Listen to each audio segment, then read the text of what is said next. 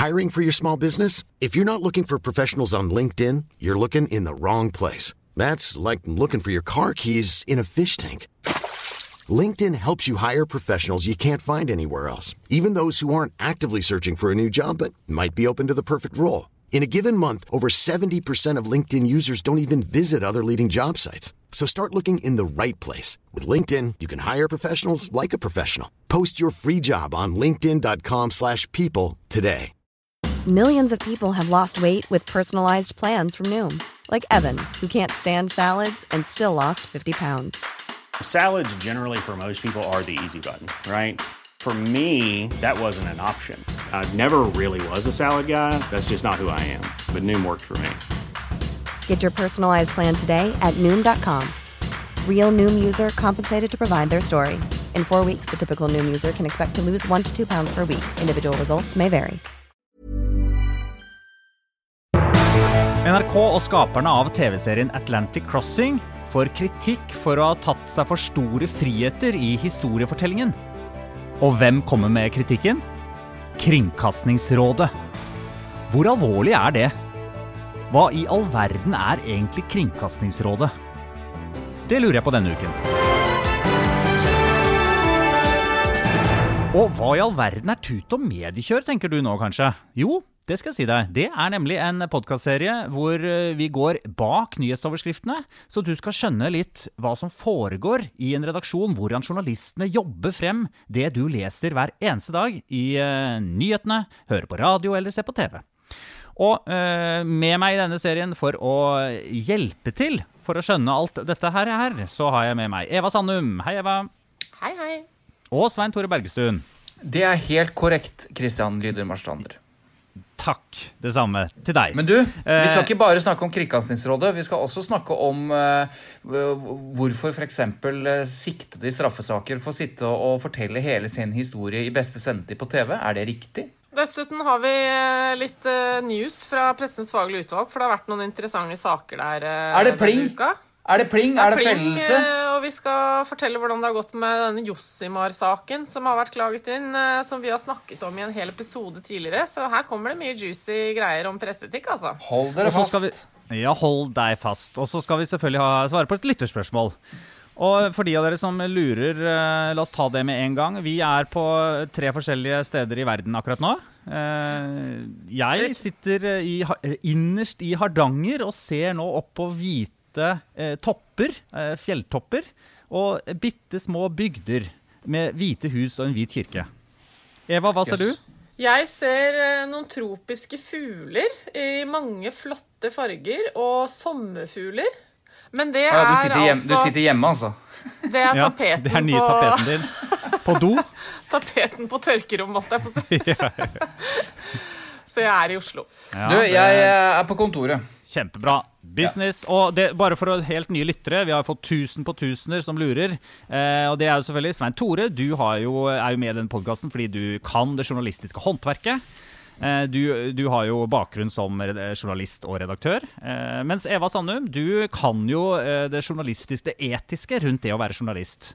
Hvorfor kan du det, Ine? Jeg har sittet i Pressens faglige utvalg, da, som vi kommer inn på litt senere i denne sendingen.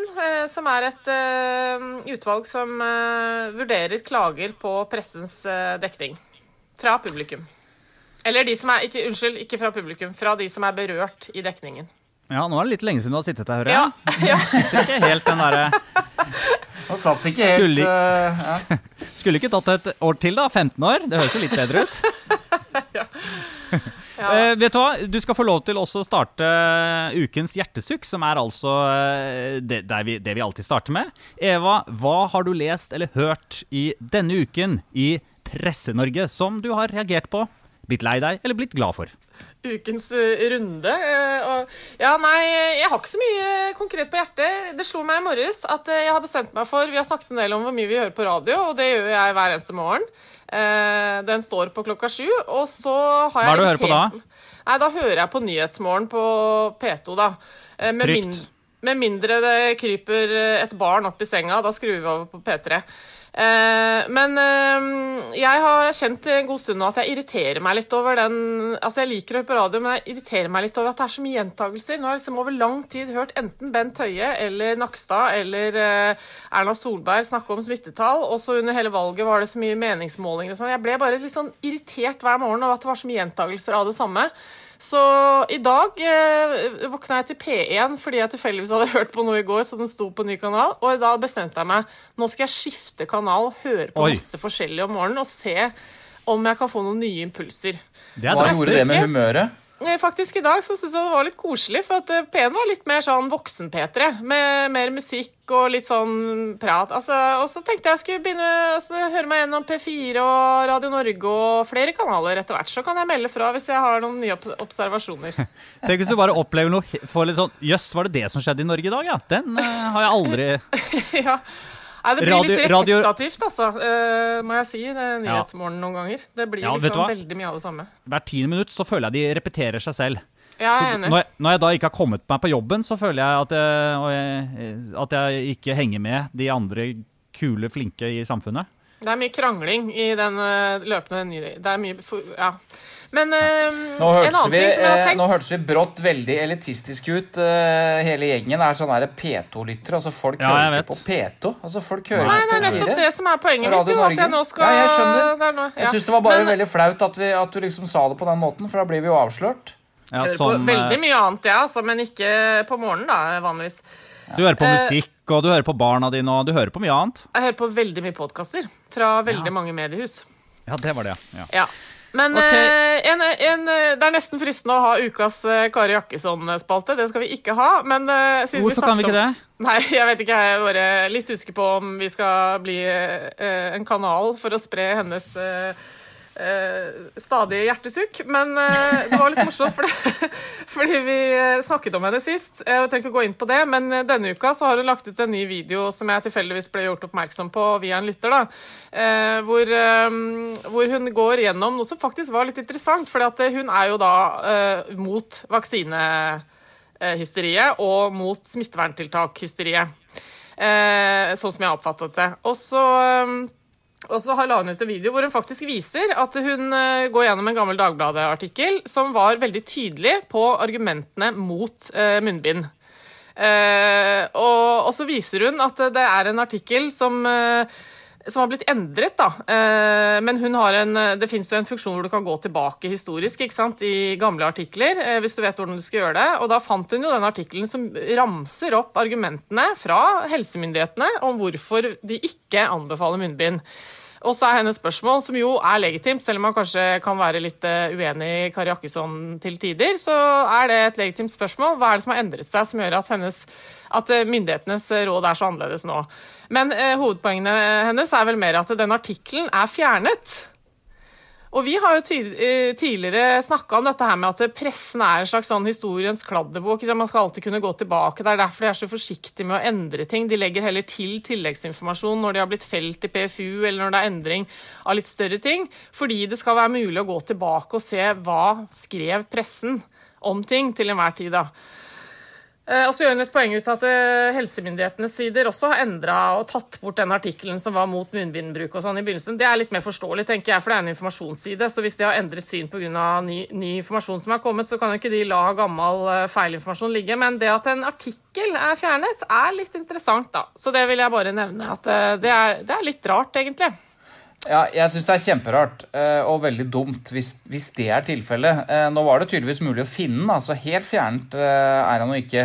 Så det spørs jo bare hva, hva er det Dagbladet har gjort for å, håper å si, fjerne den eller gjøre den mindre tilgjengelig osv. Det er jo ikke sånn at alle artikler forblir på forsiden. Du fant den ikke på et Google-søk, hvis jeg forsto det Nei, okay. riktig. Det var mer Nei, at det hun syns jeg er en sånn funksjon som Men da burde vi jo egentlig finne ut av det. Vi burde egentlig ha snakket med Dagbladet hvorfor de driver og fjerner artikler. I hvert fall hvis det handler om artikler som, eh, som f.eks. myndighetene er veldig sterkt kritiske til. Da, som mener at de sprer en eller annen form for eh, fa falsk informasjon eller gæren informasjon. For én ting er at det være Det er mange artikler som er upresise, men de kan jo rettes opp.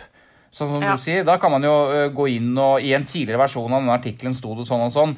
Det viser seg at osv. Og, så og den må være tilgjengelig, og den må være søkbar, og det må være greier. Så da må vi nesten finne ut av Vi har ikke rukket å ringe Dagbladet, men det hadde vært interessant å finne ut av hva de, hva de holder på med. Du beskylder Eva Dagbladet for å um, ta bort uh, nyheter, altså sensurere ytringsfriheten i Norge, da. Nå skal ikke du eh, Det var dine ord, Christian, og det er sånn, det er mitt råd. Det er sånn du skal svare en journalist som prøver å legge ord i munnen på deg. Eh, Ja. Det jeg gjorde, var å gjengi eh, Kari Jakkessons eh, observasjon. Og det i seg selv eh, tror jeg vi skal være uhyre forsiktige med. Svein Tore, ditt hjertesukk denne uken. Hva er det du eh, har gått og dirret eh, over eh, og gledet deg til å fortelle Tut og Mediekjør-lytterne våre?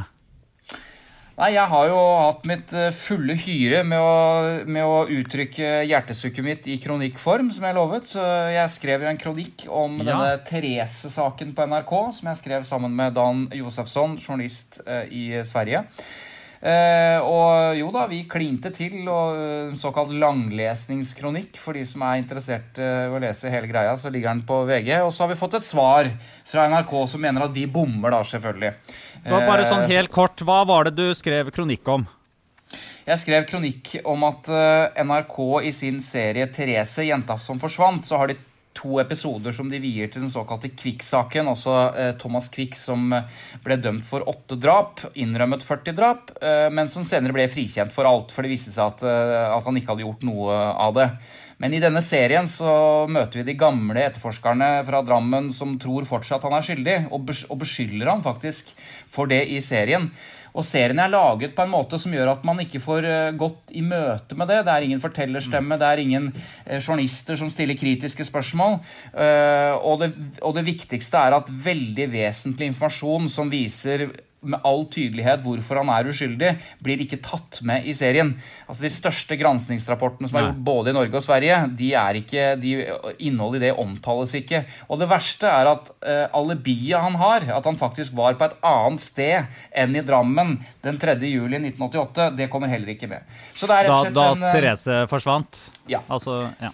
Så da skrev vi om det, og så har NRK svart og forklart hvorfor de har valgt ut informasjon på den måten. Og, og nå vet jeg det er flere innlegg på gang mot NRK. Da. Så da har vi startet en slags offentlig debatt om uh, dokumentarserien.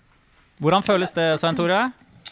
Eh, av og til så føles det som en plikt. Av og til føles det som jeg kan ikke la være. Jeg blir så forbanna. Eh, andre ganger så føles det veldig dumt, for det holder meg våken og får vondt i magen. Og litt sånn som eh, Eva har fortalt, det å ytre seg offentlig, det, med det følger også bekymringer og stress og alt det der. Men det går helt fint, altså. Men det er viktig da, at mange deltar i den offentlige debatten. Det er jo liksom på en måte den viktigste justisen.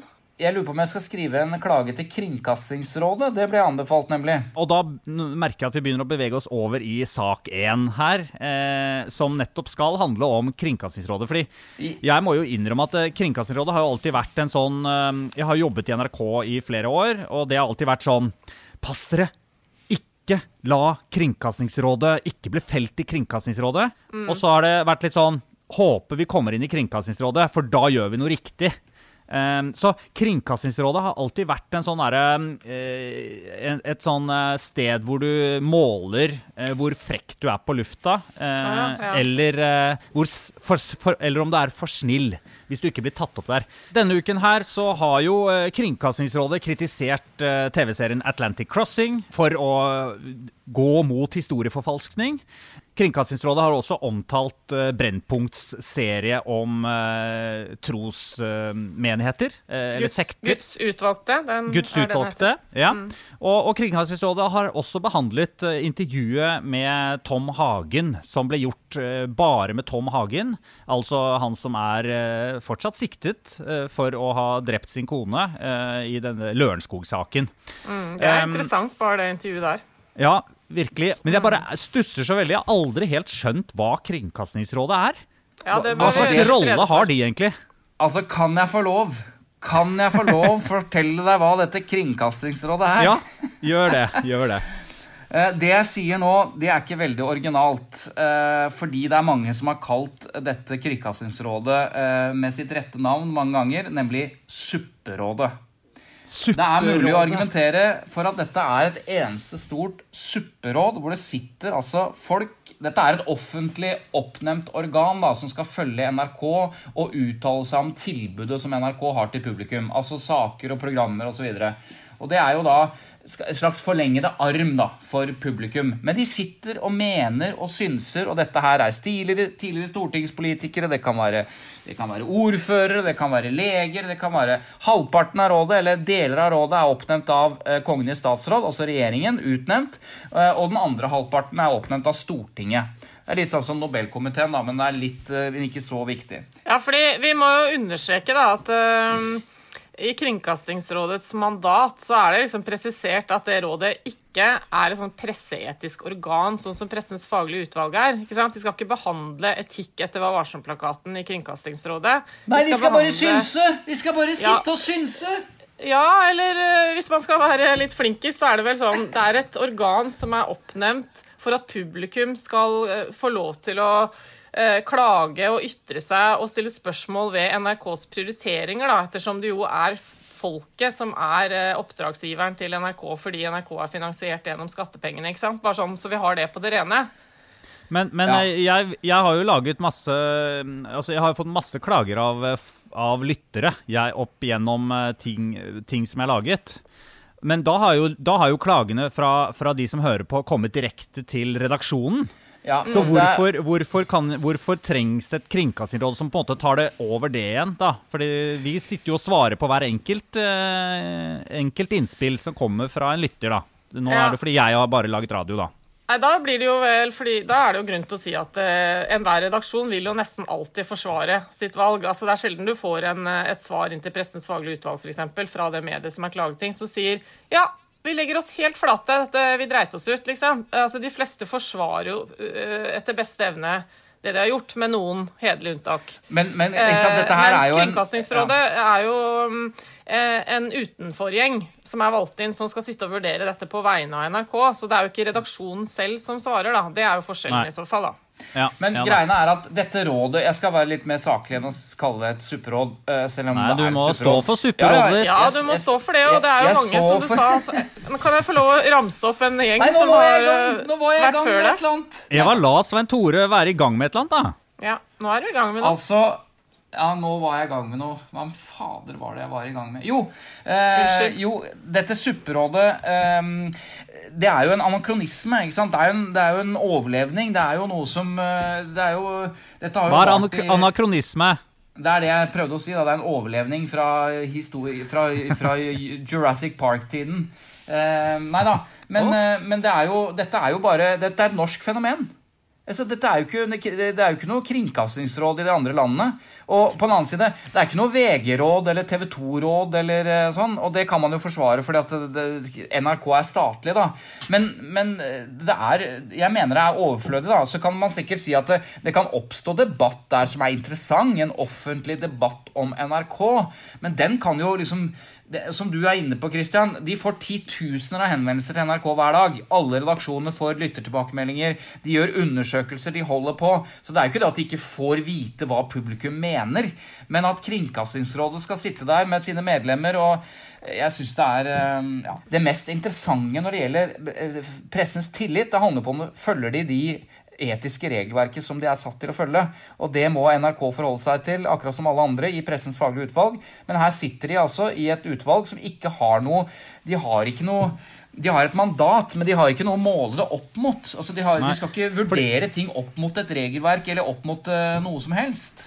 Nei, Men det er mange, mange på som har tatt til orde for at dette Kringkastingsrådet burde legges ned. Og jeg fant et sted en uttalelse fra kringkastingssjefen også, Tor Gjermund Eriksen, eh, fra noen år tilbake. Jeg tror det var da den eh, eh, saken var oppe hvor, eh, hvor eh, Sverigedemokratenes Jimmy Åkesson ble intervjua av Skavlan og fikk veldig mye klager inn til Kringkastingsrådet, var i den perioden der. Så uttalte jo han at eh, det kan kanskje være på tide å se på nye ordninger. At eh, han var åpen for det. Stemmer det, eller? Du, jeg ringte han, jeg. Eh, for jeg Ja. lurte også på det.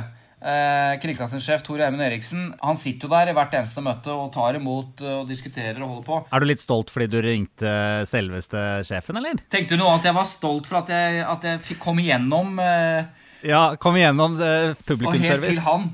Ja, Ja, ja, det var det. Nei, jeg, jeg ringte ikke publikumsservice, jeg må innrømme det. Nei, du, du gjorde ikke det? Nei, Jeg var ikke så interessert i at han skulle gjenta mandatet og sånn, så jeg spurte helt konkret hva er verdifullt med Kringkastingsrådet for deg som kringkastingssjef? Bra. Eh, Det er jo at vi har en arena, eh, en offentlig arena, der vi kan ha en debatt om hovedlinjene i det vi kaller NRKs programpolitikk.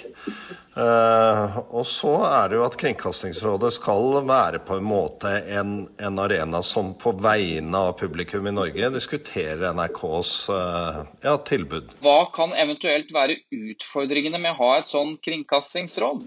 Nei, Det er jo en åpenbar utfordring, for det, dette er jo en, en, eh, en særnorsk ordning. Og det er jo nettopp at Kringkastingsrådet ikke har noe etablert normverk eller regler som de skal måle, måle mot. Det er jo særlig aktuelt i såkalte klagesaker. Men nå er Kringkastingsrådet ganske bevisst eh, den Uh, altså den uh, skranken mot uh, PFU, som jo har Vær varsom-plakaten å måle presseetikk mot. Og, og myndighetene også, har jo også på en måte tydeliggjort skillet mellom Kringkastingsrådet og PFU. Men, men det er jo nettopp det at man ikke har et normverk. altså Det er ikke noen regler eh, som man skal prøve diskusjonene mot. Jeg så på i går, eh, og et av medlemmene hadde noe å utsette på, på det hun kalte scenografien i Tom Hagen-intervjuet. Altså Hun reagerte på at eh, han var hjemme, tusla rundt alene og gråt, som hun sa. Eh, Hva tenker du når du hører den type innvendinger? Nei, Jeg mener at det ikke er veldig relevante innvendinger mot, uh, mot journalistikken i, i NRK. Men samtidig så er det jo sånn at eh, vi, vi har en uavhengig uh, uh, redaksjonell uavhengighet. Det er jeg som er ansvarlig redaktør for alt som, som lages og, og, og publiseres i NRK. Eh, og det er ikke noe stor trussel mot min redaksjonelle uavhengighet at noen i rådet mener det. For det, jeg trenger jo ikke akkurat å høre på den type råd. Og det kan jo også være et uttrykk for en mening, da. Så det er ikke noe problematisk at det sies, men det er ikke, det er ikke veldig relevant i en, på en en presseetisk diskusjon. Til slutt, eh, Tor Gjermund. Enten før eller dette intervjuet så kommer jeg i podkasten til å omtale Kringkastingsrådet, og dette er ikke originalt, som et supperåd. Og det er det veldig mange som har gjort. Kanskje nettopp fordi man ikke har noe ramme, har noe regelverk å forholde seg til. Man sitter og mener og synser. Eh, hva hadde du tenkt hvis, eh, hvis rådet ble borte? Nå er det jo sånn at, at man har ikke noen, et normverk for å, for å vurdere enkeltsaker mot, men man har jo et mandat som er def, eh, definert, eh, og har en oppgave. Og det er klart at NRK hadde, hadde klart seg, og vi hadde vært vi, like opptatt av hva publikum i Norge mener, også om Kringkastingsrådet ikke hadde eksistert. Men jeg er ærlig når jeg sier at rådet også er en god arena. Gårsdagens møte hvor vi hadde en diskusjon om disse Brennpunkt-programmet om, eh, om eh, religiøse grupper og sekter. Vi hadde Atlantic Crossing. Eh, Det var jo relevante og gode diskusjoner. Og, og der rådet er best og nyttig for NRK, det er jo når vi får en rekke synspunkter på noe av innholdet vårt, og da kan jeg be Kringkastingsrådet om å ta den offentlige debatten. Da er det nyttig. Eh, Men det er klart at det er veldig mange allmennkringkastere som klarer seg uten et kringkastingsråd. Så NRK hadde nok eksistert, men, men de bidrar eh, til den offentlige debatten om NRK, og det kan det i og for seg aldri bli for mye av. Ja, det var altså Tor Gjermund Eriksen som på en diplomatisk måte sa at eh, de hadde nok overlevd uten Kringkastingsrådet. Ja, Nå trekker jo du ut akkurat det du vil, fordi du mener jo at Kringkastingsrådet er et supperåd. Ja, men jeg, nå gjentok jeg bare utgangen hans, da, Christian. Han, hadde, han sier akkurat det jeg sa. Ja, ja, ok, det er greit. Men en sak som da ble også diskutert i Kringkastingsrådet denne uken, det var jo da denne Lørenskog-saken, eller Tom Hagen, eh, som da fikk et helt intervju bare for seg selv, hvor eh, jeg som seer fikk komme hjem til han på beste sendetid i NRK og høre hans versjon av, eh, av eh, kriminalsaken hvor han er siktet for å ha drept sin kone. Og det er jo sånn at um, Er det egentlig greit? Det pågår jo en rettssak her, ikke sant? Og det var jo dette Kringkastingsrådet satt og snakket om også. Men jeg lurer jo også på dette. Hva, hva tenker du? Du holder hånden opp, fingeren opp i luften, Eva. Ja, jeg bare, kan jeg få lov å trekke en parallell til, eh, til en annen ting eh, som slo meg? For at, eh, jeg driver og ser på den The Undoing på HBO, som sikkert veldig mange gjør, en serie med mm, Nicole Kidman og Hugh Grant. Og så reagerte jeg på, for der er det en stor drapssak som foregår, hele serien handler om det, og Hugh Grant er hovedmistenkt i saken. Og så underveis så blir han rådet av advokaten sin til å stille opp i et stort TV-intervju. Og så sitter man som seer da, her hjemme i Norge og, og tenker liksom herregud, altså i USA er det bare helt crazy tilstander, liksom. Sitter en hovedmistenkt midt i en rettssak og, og liksom får lov til å komme med sin forsvarstale, nærmest. Og, og advokaten hans foreslår at han gjør det som en sånn slags PR-strategi for å få publikum med seg. Man sitter og bare føler at det, herregud, i USA er det helt uh, uh, går det helt galt for seg. Og så slo det meg Men var det ikke akkurat det som skjedde med Hagen? Ja. Det er jo ikke så veldig annerledes, det faktum at eh, Tom Hagen, som også er hovedmistenkt eh, per nå, da, i denne saken Men da, hva syns du da? Er det riktig at han får lov til det? Altså, nå har ikke jeg, jeg har ikke sett intervjuet, må jeg innrømme. Eh, det har jeg faktisk ikke. Det burde jeg gjort. Da går vi eh, over til Svein Tore. Hva tenker du da? Nei, men Eva skal få lov til å si hva hun mener, så kan jeg si det etterpå. Men eh, det er jo et stort intervju med han, Eva, som, hvor han selvfølgelig forteller at han er uskyldig, og at han savner henne osv. Ja. Eh, nei, altså jeg skal innrømme at jeg i flere anledninger opp gjennom årene har reagert på at eh, drapsdømte og hovedmistenkte blir intervjuet i sånne portretter som legger dem frem eh, på en mer sympatisk måte. Da. Jeg husker jeg dere tenkte litt på det Orderud, i etterkant av Orderud-saken med både Kristin Kirkemo og, og um, ja, hun Orderud, hva heter hun igjen? Veronica? Veronica Orderud. Ja.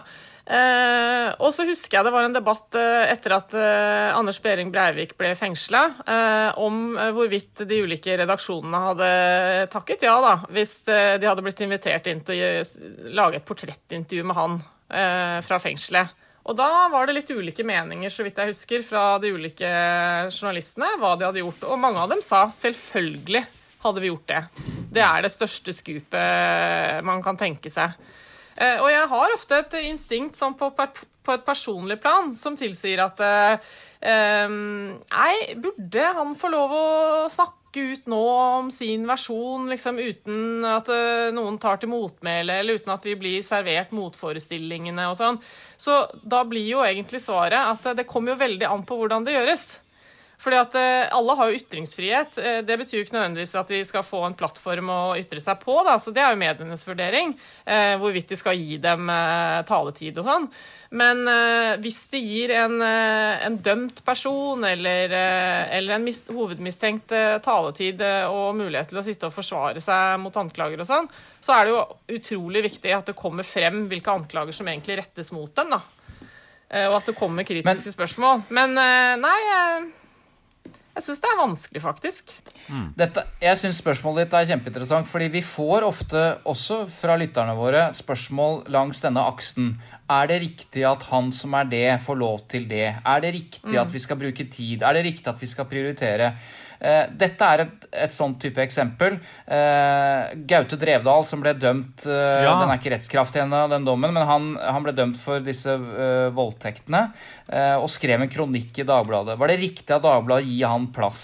Du var inne på Altså Anders Behring Gaute. Drevdal, journalist i Natt og Dag, en avis. eh, Redaktør som i Natt og Dag som ble dømt for flere Ja. voldtekter.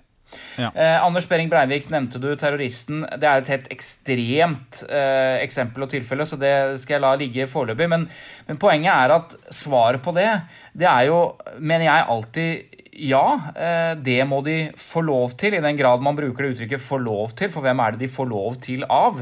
Eh, det, er jo, det er jo redaksjonene som tar Ja, det er jo det er redak redaksjonene som tar de valgene. Og det er klart, i Tom Hagen-saken så er det jo åpenbart at alle som hadde fått muligheten til å intervjue han fordi han, han har holdt tett hele tiden. Han er den som er mistenkt og sikta for en sak. Han uttaler seg ikke, det har bare vært advokaten på vegne av familien. Og når han bestemmer seg for å prate, så er det selvfølgelig eh, viktig at NRK eh, eh, intervjuer han. Og så er det riktig som du sier, Eva. Hvordan gjør man det? Setter man en mikrofon foran og spør liksom åssen går det? Hva tenker du om dette her? Eh, det er kanskje et par spørsmål som er ok, men du må jo også stille spørsmål som går på det han er anklaget for, eh, sånn at du får en balanse i dette. og det og Sånn er det med alt. ikke sant? Du må alltid balansere. Jeg har nettopp skrevet en kronikk der jeg kritiserer NRK for å bruke for mye tid på gamle etterforskere som mener ditten og datten, uten at det blir balansert godt nok. Jeg kritiserer ikke deres tilstedeværelse eller at de blir intervjuet, men at de ikke balanserer det, eh, det, de usannhetene de kommer med, da, f.eks. At ikke det kommer tydeligere frem at det de sier nå, det har blitt motbevist i retten? på en måte? Riktig. Eller hvis Tom Hagen sier at, uh, sier at uh, det har alltid vært sånn, eller 'jeg har ikke sagt det', eller sånn og sånn, og så, og så finnes det dokumentasjon på at det han sitter og sier nå, det er ikke riktig. Da må man konfronteres med det. Men i dette tilfellet så handlet det om å få høre for første gang hva er det en hovedmistenkt som, som mener seg uskyldig sikta, uh, hva, hva er det han har å si? Det er klart at det er interessant. Jeg har et lite eh, klipp fra den som vi kan spille. Eh, Ja. og, og her får, vi høre Tom Hagen eh, eh, som for, forteller om, eh, om Elisabeth, da sin kone. Nei, hun er et fantastisk fint menneske. Som eh, Ja. Som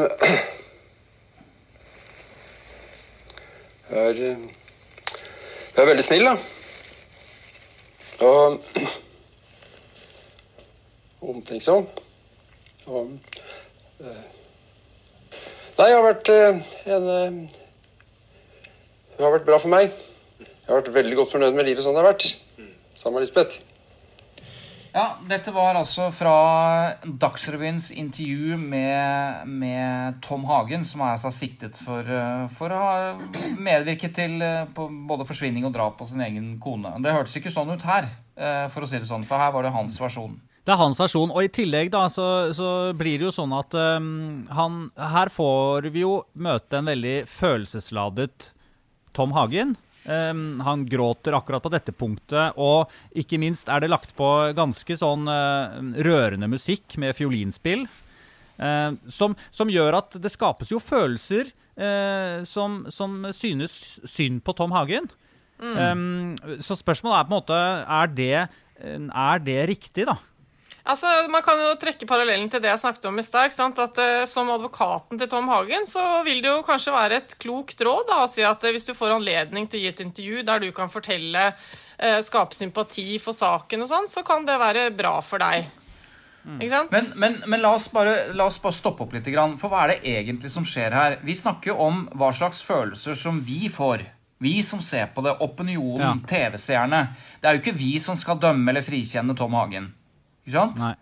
Eh, og det man ofte ser, det er jo at vi snakker jo om forhåndsdømming i saker. altså Det betyr at publikum eller, eller folk har fått en type informasjon, fra, gjerne da fra mediene. Dette er jo før rettssaken. De får en type informasjon som er farget av det utvalget mediene gjør, og ikke minst den som velger å stille opp, hvem som fremstår troverdig, og hvor hardt mediene kjører.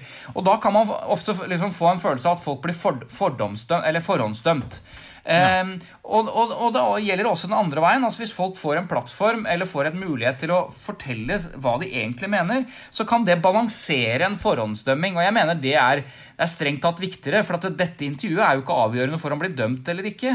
Det er jo retten som skal ta stilling til, og de lar seg ikke påvirke, i hvert fall ikke av ett intervju gjort på denne måten.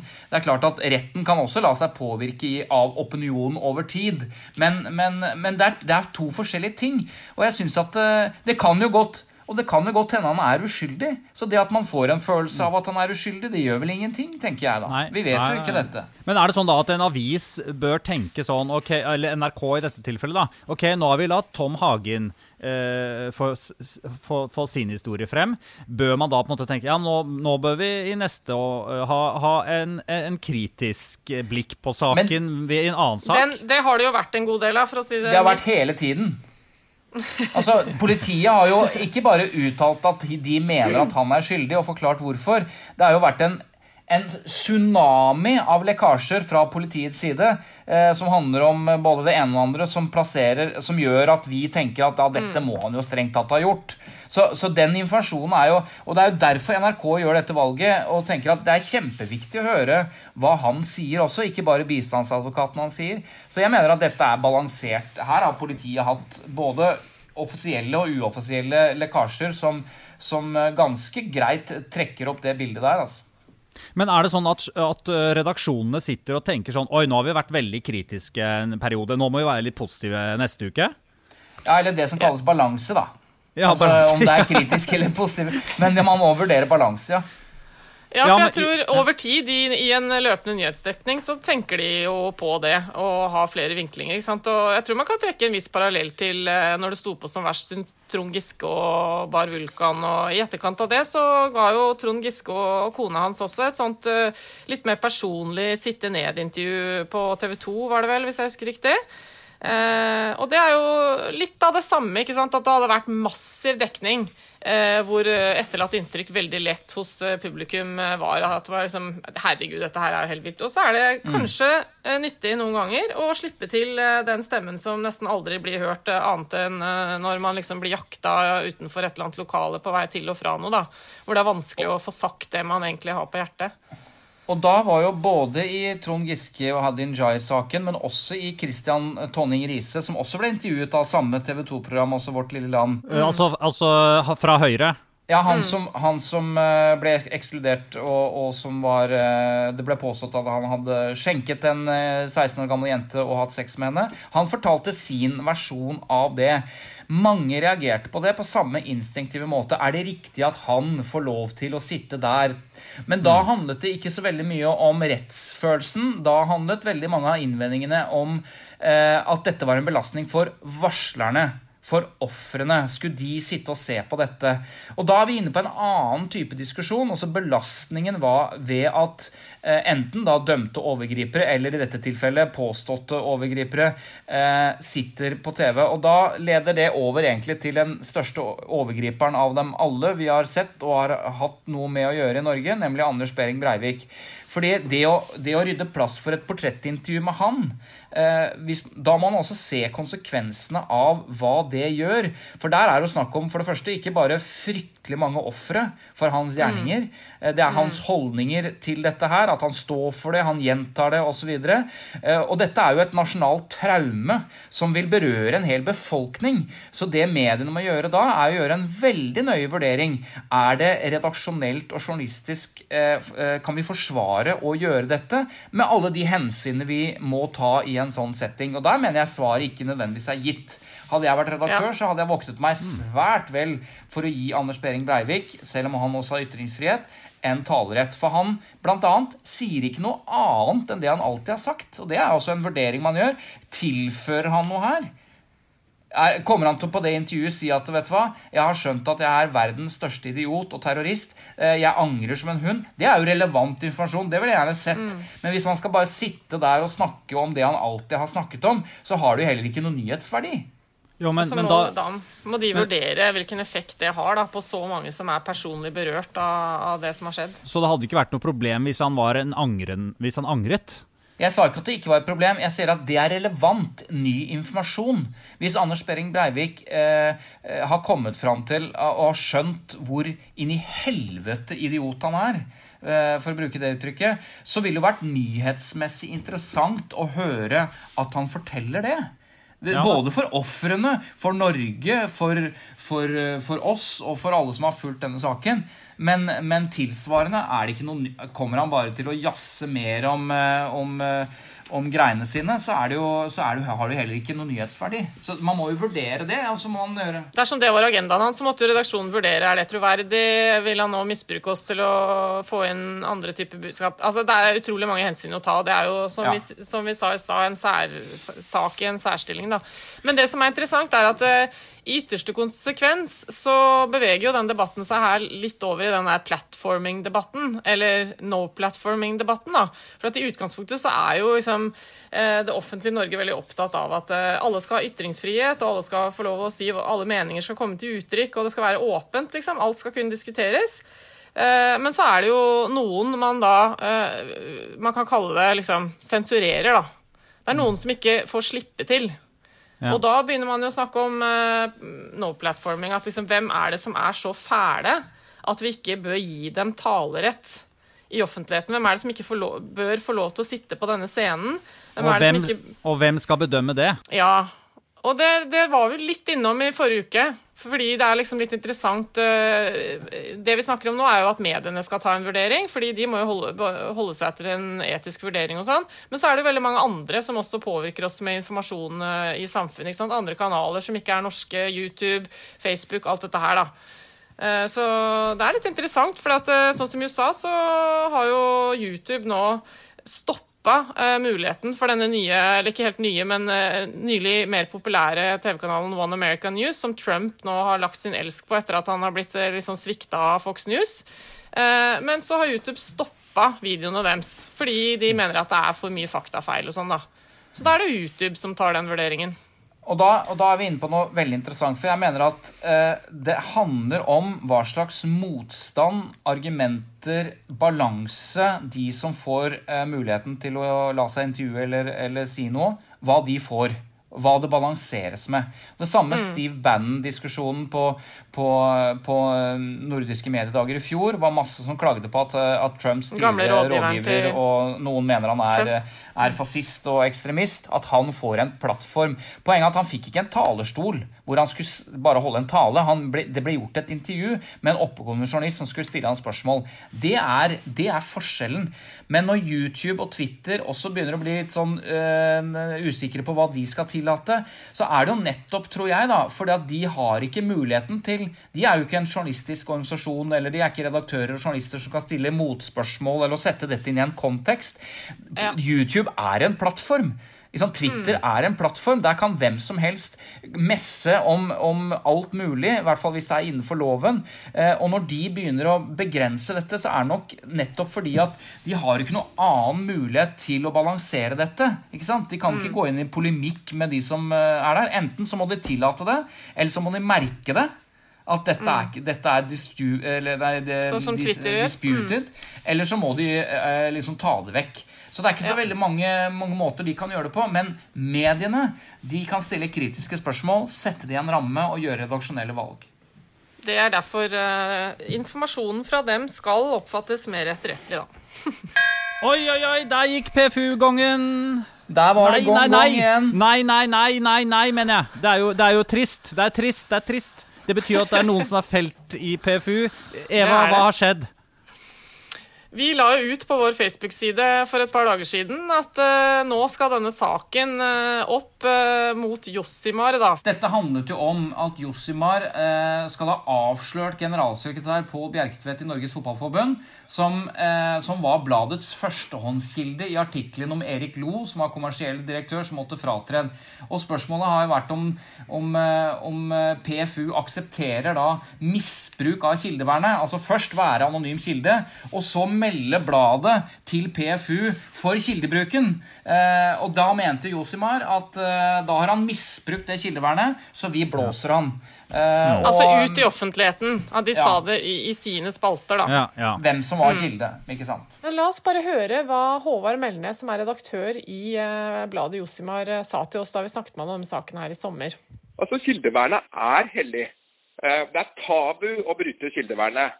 Men når vi blir utsatt for et eh, maktmisbruk fra en kilde som ikke er en hvem som helst kilde, han er både generalsekretær i Norges største idrettsorganisasjon, men han er også tidligere mangeårig medlem av Norsk redaktørforening. Pål Bjerketvedt vet utmerket godt hva han gjør. Eh, eh, og da, når du, altså, når du opptrer på den måten, og du vet det er så kalkulert, da har du ikke eh, krav på noe kildevern fra oss. Når man havner opp i en sånn situasjon som dette her er, skal kildevernet fortsatt være hellig? Det her var altså Håvard Melnes, som er redaktør i Josemar.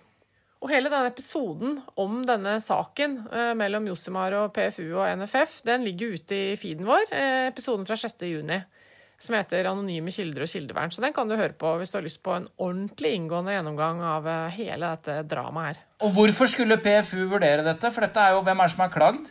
Ja, Det som skjer da, er jo at eh, sant, pressen setter kildevernet ekstremt høyt. Eh, og det som skjer da, er at eh, Elin Floberghagen, som er generalsekretær i Presseforbundet, klager da inn med sin initiativrett, som det heter. Hun er den eneste som kan klage inn en sak uten å være direkte berørt. På nettopp det at Josimar velger å gå ut med en kilde som de har inngått en avtale om at skal være anonym. Eh, og så var denne saken nå oppe denne uka i Pressens faglige utvalg, hvor de skulle vurdere om det var et presseetisk brudd av Josimar å, blåse denne kilden. Og de, og de ble felt. Ja, de ble felt. Og bare for å kort oppsummere, bladet Josimar de mener jo da, eh, eh, kort oppsummert, at sannheten er viktigere enn kildevernet. Dette må komme frem, for det er så alvorlig at en, eh, at en kilde med så mye makt misbruker oss da, til å først komme med informasjon, og så klage på at informasjonen ikke er, eh, at ikke kildebruken er god nok. Mens pressen derimot eh, mener da i sin uttalelse at eh, hvis, hvis vi ikke feller Jossemar i dag på dette, så vil det få så alvorlige konsekvenser. Fordi eh, konsekvensen kan være at kildevernet eh, oppfattes som å ikke være absolutt, og det er jo farlig hvis folk der ute går og tenker at ok, jeg får eh, et løfte om at jeg skal få, kunne være anonym kilde, men dersom det skjer et eller annet som gjør at journalisten plutselig gjør en annen vurdering, så kan jeg risikere å bli blåst. Og selv om dette anses som et unntakstilfelle, så er jo da pressen samlet redd for selvfølgelig at det skal bli et etterlatt inntrykk, sånn at man mister viktig informasjon da, eh, fra eh, kilder. Eva, når du, hadde, når du satt i Hadde du vært enig i dette når, hvis du hadde sittet i det Pressens fagutvalg? Eh, Dette her er en eh, veldig vanskelig sak, altså, for det er veldig gode argumenter i begge retninger. og Det som er eh, spesielt interessant, er at jeg så på hele altså De videooverførte hele dette møtet da, hvor de behandlet saken nå denne uka. her, og er, Samtlige medlemmer i utvalget gir jo uttrykk for at de forstår Josemar. Eh, absolutt alle sier det, og at de ikke har noe problemer med å liksom sette seg inn i hvordan dette her opplevdes for uh, Josemars redaktør osv. Men likevel så støtter de forslaget da, om å, om å felle Josemar for å bryte dette kildevernet. Og det går jo på at man kanskje tenker at det, da, må man gjøre en vurdering tidligere. Da må man faktisk gjøre den vurderingen når man eh, går inn i denne kontrakten da, om at du skal få lov å være anonym kilde. Og så må man stå i de farene det er, som det er i alle tilfeller ved bruk av anonyme kilder, at dette kan eh, gå mot oss senere. Dette kan være litt misbruk. ikke sant? Hva er hensikten til denne kilden osv.? Du, Eva, nå må du stoppe, for Svein Tore har bedt om ordet lenge nå. Svein Tore, Det er jo veldig, det er veldig, det er veldig lærerikt for meg å gjøre opptak eh, på denne måten, hvor jeg ikke kan bare begynne å avbryte uten at det føles helt eh, ko-ko når vi sitter på hvert vårt sted. Men eh, det jeg skulle si er at det som har skjedd mot behandlingen av denne saken, er veldig interessant. For da vi tok opp denne saken i en av episodene i sommer eller før sommeren, så var det en ganske ens, skal vi si, en ensom svale, er det det heter? En enslig svale. Eh, som heter Gøran Skålmo, en eh, gravejournalist i Dagens Næringsliv, som gikk på en måte mot eh, generalsekretæren i Presseforbundet og hele pressens organer, hvor han antydet at jo, kanskje er det Josemar har gjort, riktig, for nettopp dette misbruket av kildevernet, det ser vi på flere fronter nå. Jeg følte ikke han fikk særlig støtte.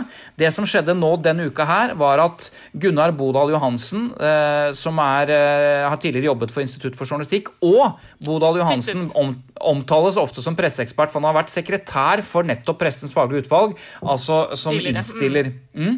Og, han, og han skriver sammen med en annen eh, tidligere kollega at eh, hvis PFU følger forslaget fra generalsekretær Floberhagen, så ligger veien åpen for at kilder kan utnytte og misbruke kildevernet uten selv å måtte stå til rette i offentligheten for sine uttalelser og handlinger, og uten at journalister kan forsvare seg.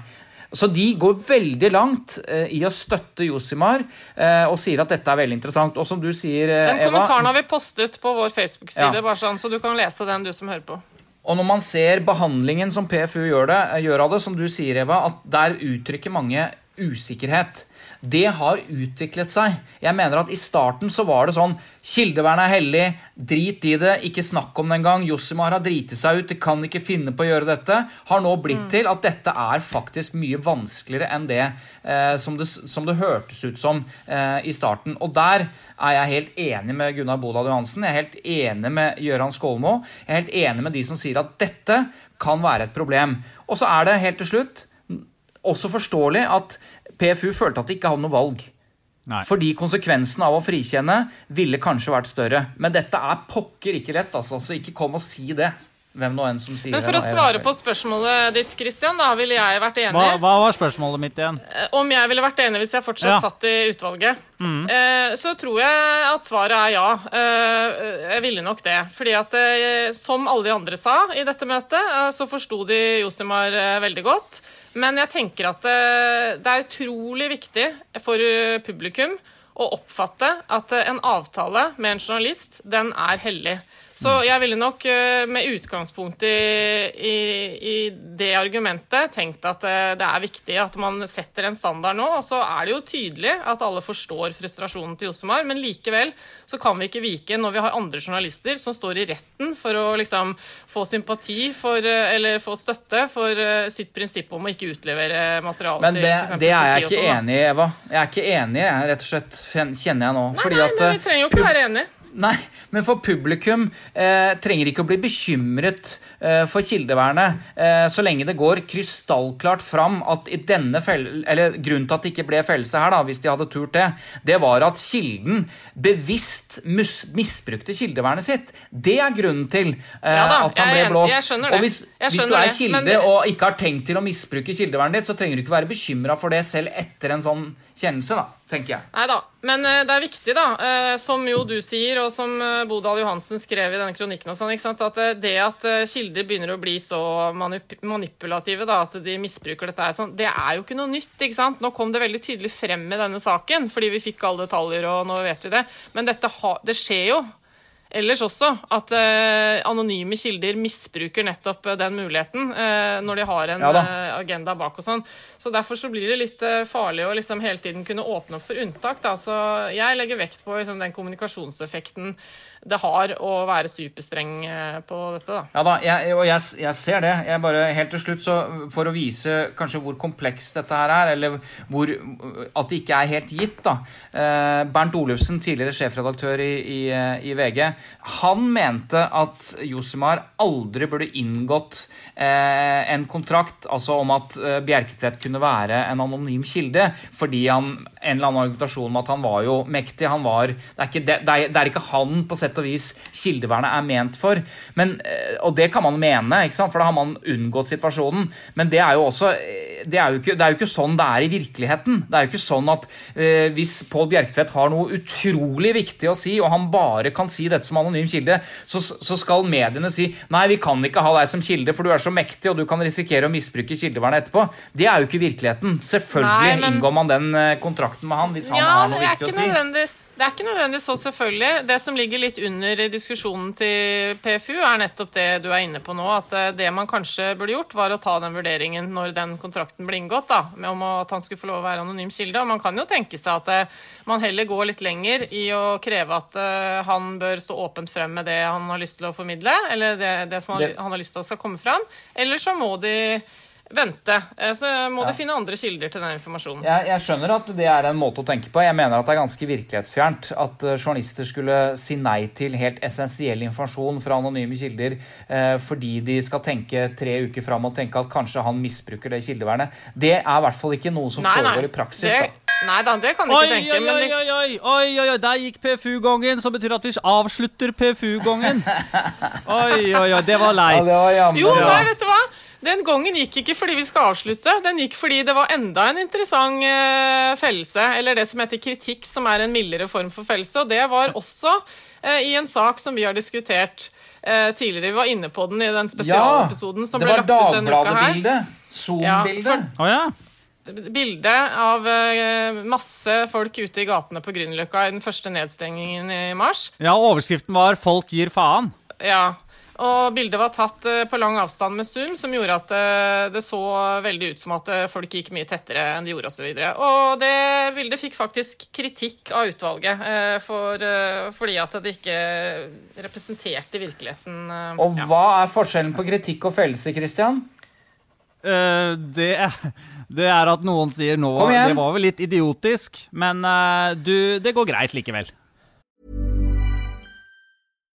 If you're looking for plump lips that last, you need to know about Juvederm lip fillers. With Juvederm Volbella XC and Juvederm Ultra XC, your lip look, whether it's subtle or bold, can last up to one full year with optimal treatment and no additional maintenance. Find a licensed specialist and see if it's right for you at Juvederm.com today. That's J U V E D E R M.com. Add fullness to lips in adults over 21 with Juvederm Volbella XC or Juvederm Ultra XC. Do not use if you have severe allergies or a history of severe allergic reactions, or if you're allergic to lidocaine or the proteins used in Juvederm. Tell your doctor if you have a history of scarring or taking medicines that decrease the body's immune response or that can prolong bleeding. Common side effects include injection site redness, swelling, pain, tenderness, firmness, lumps, bumps, bruising, discoloration, or itching. As with all fillers, there's a rare risk of unintentional injection into a blood vessel, which can cause vision abnormalities, blindness, stroke, temporary scabs, or scarring. For full important safety information, visit juvederm.com. Hiring for your small business? If you're not looking for professionals on LinkedIn, you're looking in the wrong place. That's like looking for your car keys in a fish tank. LinkedIn helps you hire professionals you can't find anywhere else, even those who aren't actively searching for a new job but might be open to the perfect role. In a given month, over 70% of LinkedIn users don't even visit other leading job sites. So start looking in the right place. With LinkedIn, you can hire professionals like a professional. Post your free job on linkedin.com slash people today. Ja, eh, altså, eh, forskjellen er at eh, kritikk er en mildere form for fellelse, men i statistikken så blir det registrert som et brudd, altså, eller som en fellelse. Men det er ikke et brudd på konkret, et konkret punkt. For å hjelpe deg, Christian. Eh, for sånne som deg så har PFU vært så hyggelig at de har fargekodet dette. Så grønt betyr frikjent, eller eh, at man ikke er felt. Eh, rødt betyr felt, mens kritikk har fått fargen gult. Og apropos supperåd. PFU. ja, altså, det er også er blitt noe... kalt supperåd. Altså, det, det, Noen ganger så syns jeg det Altså, Det har jo ingenting å si om man blir felt der eller ikke. Jeg, nei, jeg syns noen ganger Eva, beklager. Det er litt ja. suppete over det. Det må du få lov å si. Det er mange som har kalt, eller flere i hvert fall, som har kalt PFU et supperåd. Men det er jo veldig ofte de som har blitt felt, da. Eh, man, hvis man googler det, så er det ofte et, et, slags motsvar som handler om at dette er et supperåd. Og så blir det kalt litt Ole Brumm-utvalg noen ganger. Og det kan jeg være mer enig i. At eh, etterlatt inntrykk eh, kan noen ganger være ikke sant? at man Sånn som hvis man trekker det litt langt, diskusjonen denne uka om Josemar-saken. da, fordi at det, det, blir litt sånn Ole Brumm hvis man sier at jeg er veldig enig, jeg forstår absolutt alt klageren sier. Samtidig så er jeg enig at vi skal felle dem.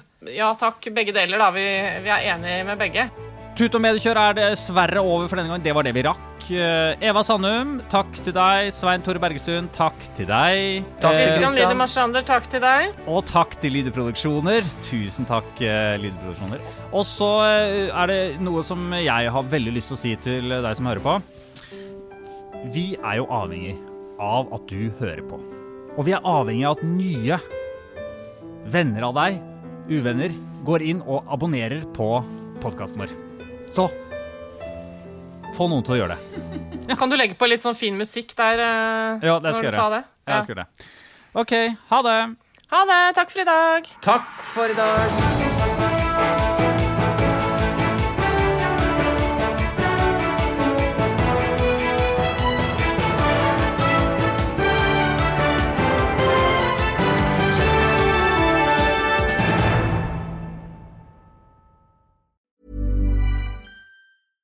Flexibility is great. That's why there's yoga. Flexibility for your insurance coverage is great too. That's why there's United Healthcare Insurance Plans. Underwritten by Golden Rule Insurance Company, United Healthcare Insurance Plans offer flexible, budget friendly coverage for medical, vision, dental, and more. One of these plans may be right for you if you're, say, between jobs, coming off your parents' plan, turning a side hustle into a full hustle, or even missed open enrollment. Want more flexibility? Find out more about United Healthcare Insurance Plans at uh1.com. Even on a budget, quality is non-negotiable. That's why Quince is the place to score high-end essentials at 50 to 80% less than similar brands. Get your hands on buttery soft cashmere sweaters from just 60 bucks, Italian leather jackets, and so much more. And the best part about Quince, they exclusively partner with factories committed to safe, ethical, and responsible manufacturing. Elevate your style without the elevated price tag with Quince. Go to quince.com slash upgrade for free shipping and 365-day returns.